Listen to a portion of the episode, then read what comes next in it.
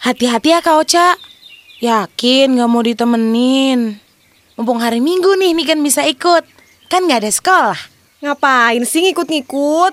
Aku tuh mau nganterin bunga, bukan mau kondangan. Ya Allah, pelit amat sih. Kali aja aku bisa makan gratis di acara nikahan. Yakin, aku gak usah nemenin. Gak usah, udah sana mandi dulu. Bangun tidur bukannya mandi, malah ribut mau makan gratis di acara nikahan. iya, iya. Hati-hati ya Kak Ocha. Dadah. Aku mengangguk pelan, lalu mengendarai sepedaku ke lokasi pernikahan Genta. Aku tahu, Niken bukan mau makan gratis di acara nikahan. Dia hanya tidak tega membiarkanku sendirian hari ini. Sejak semalam, aku menceritakan semua kepadanya. Niken langsung berinisiatif tidur di kamarku. Alasannya sih, karena di kamarnya suka ada suara-suara aneh, seperti suara hantu. Tapi lagi-lagi itu pasti hanya alasan Niken saja. Ya, walaupun Niken dan Burina bukan keluarga asliku, namun aku merasa sangat nyaman dengan perlakuan mereka. Bahkan, Burina pagi ini membuatkan sarapan kesukaanku, sup jagung manis, sebagai reward karena target toko bulan ini sukses. Begitu katanya. Padahal aku tahu persis. Baik Burina dan Niken melakukan semua hal itu karena mereka begitu peduli kepadaku. Apalagi sejak kabar mengejutkan dari Gentak Marin. Akhirnya, aku sampai di depan gedung yang belum begitu ramai. Acaranya belum mulai. Di sana sini masih terlihat para petugas yang sedang membenahi dekorasi. Dari arah dalam gedung, aku melihat sosok yang telah kurindukan. Genta berjalan dengan senyuman cerianya, melangkah ke arahku. Dia memakai setelan jas berwarna ungu, warna kesukaan mempelai perempuan, warna kesukaan istrinya. Tiba-tiba hatiku sakit. Oca, udah lama gak ketemu. Ini ya bunganya. Tuh kan bagus, gak salah deh pesen di Oca. Hah? Aku hanya bisa tertawa. Aku tidak bisa berkata apa pun. Kemudian, dari arah belakang Genta, jalan sesosok laki-laki memakai setelan jas berwarna putih. Bajunya lebih mewah ketimbang milik Genta. Ia menghampiri kami dan merangkul pundak Genta. Kak Genta, dicari mama. Ternyata ada di sini. Kak Genta. Eh, Cak, kenalin. Ini adikku, namanya Gusti. Ini orangnya yang bikin aku repot. Dia yang mau nikah, aku yang harus ribet nyiapin semuanya. Makanya skripsi diselesaikan dong. Kelamaan kuliah sih. Sampai aku udah lulus, sampai aku udah mau nikah. Kuliah Kak Genta nggak kelar-kelar juga. Berisik kamu, udah sana masuk. Pengantin kok keluyuran, ntar gak enak dilihat tamu. ah, belum pada datang juga kok. Kan acaranya belum mulai.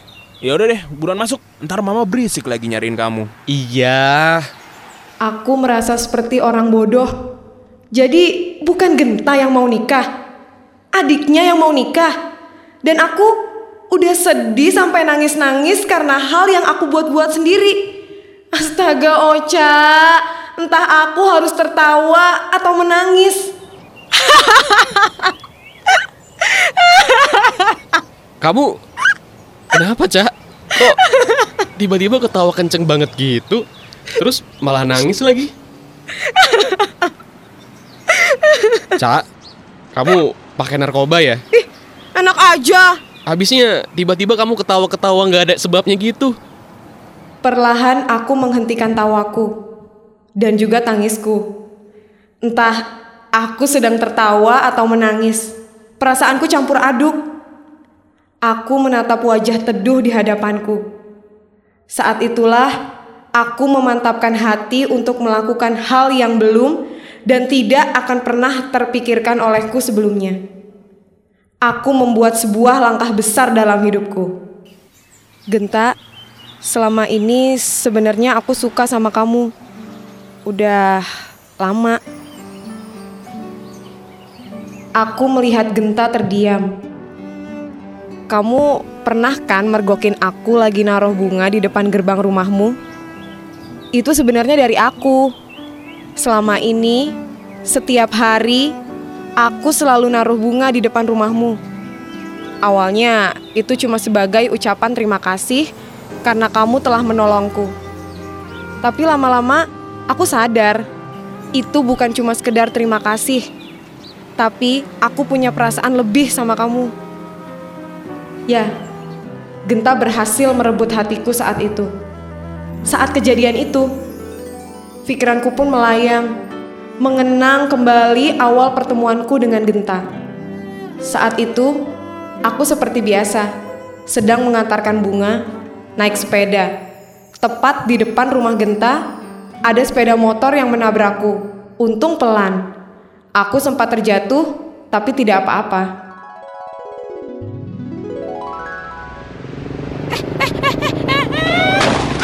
Aduh, kayak ya kau itu? Bisa-bisanya pula kau tabrak aku, nggak kau tengok itu jalan. Memanglah, sampai jatuh aku kau buat kau tengok itu kalau jalan. Lihat-lihat ke depan itu kau tengok. Lihat jalan itu. Malah kau jalan-jalan terus. Jatuh jadinya aku kan. Eh, untunglah hawa ini nggak luka. Dasar pun kau, tengok tuh badan kau gede kali. Gendut kali pun kau udah ngelebar-ngelebarin aja. Sempit jalan ini jadinya kan. Eh, udahlah, kau urus sendiri tuh. Kau bangun itu sendiri. Awak mau cepat-cepat dulu nih. Tidak lama kemudian, ada sosok dengan wajah yang teduh dan senyum yang khas menghampiriku. Membantuku berdiri.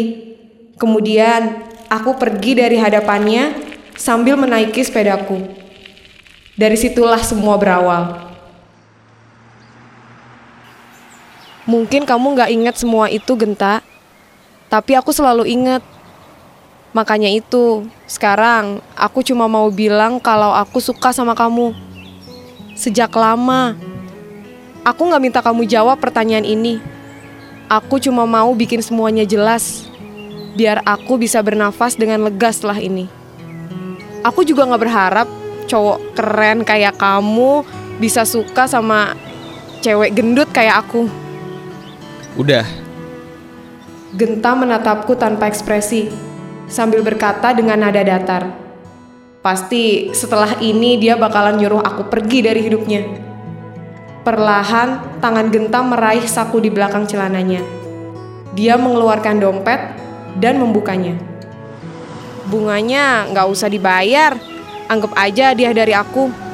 nih, Genta tidak mengeluarkan uang dari dompetnya, tapi dia mengeluarkan gunting kecil yang rasanya tak asing lagi di mataku. ini gunting yang kamu jatuhin waktu kecelakaan dulu itu. Aku inget kok semuanya. Aku juga selalu liatin kamu dari jendela. Kalau kamu lagi naruh bunga di depan gerbang rumahku, aku sengaja mergokin kamu di luar, tapi kamu bohong. Bilangnya bunga itu dari orang lain. Untung kamu bilang toko tempatmu kerja. Jadi selama ini kamu udah tahu semua. Udah. Terus menurut kamu selama ini aku ngapain selalu deketin kamu? Aku aku terlalu takut untuk nanya tentang kita. Aku pikir kita cuma teman biasa aja. Aku merasakan hangatnya kedua telapak tangan Genta memegang kedua pipiku. Ocha, Ocha, kamu tuh lucu banget sih. Genta, itu kamu ditunggu sama mamamu. Disuruh masuk aja temennya, biar masuk sekalian ngobrol di dalam. Jangan di luar, Genta. Iya, Kek. Tuh, kakekku udah manggil. Ya udah yuk, ikut ke dalam aja. Banyak makanan, pasti kamu seneng deh. Dan Dan apa? jangan lupa, nanti pas momen lempar bunga, kamu harus nangkep bunganya. Tahun ini kan aku udah lulus. Kayaknya Gusti juga nggak keberatan deh kalau harus aku repotin tahun depan buat bikin persiapan pernikahan. Hah? Pernikahan? Muka kamu lucu deh kalau lagi bingung. Kini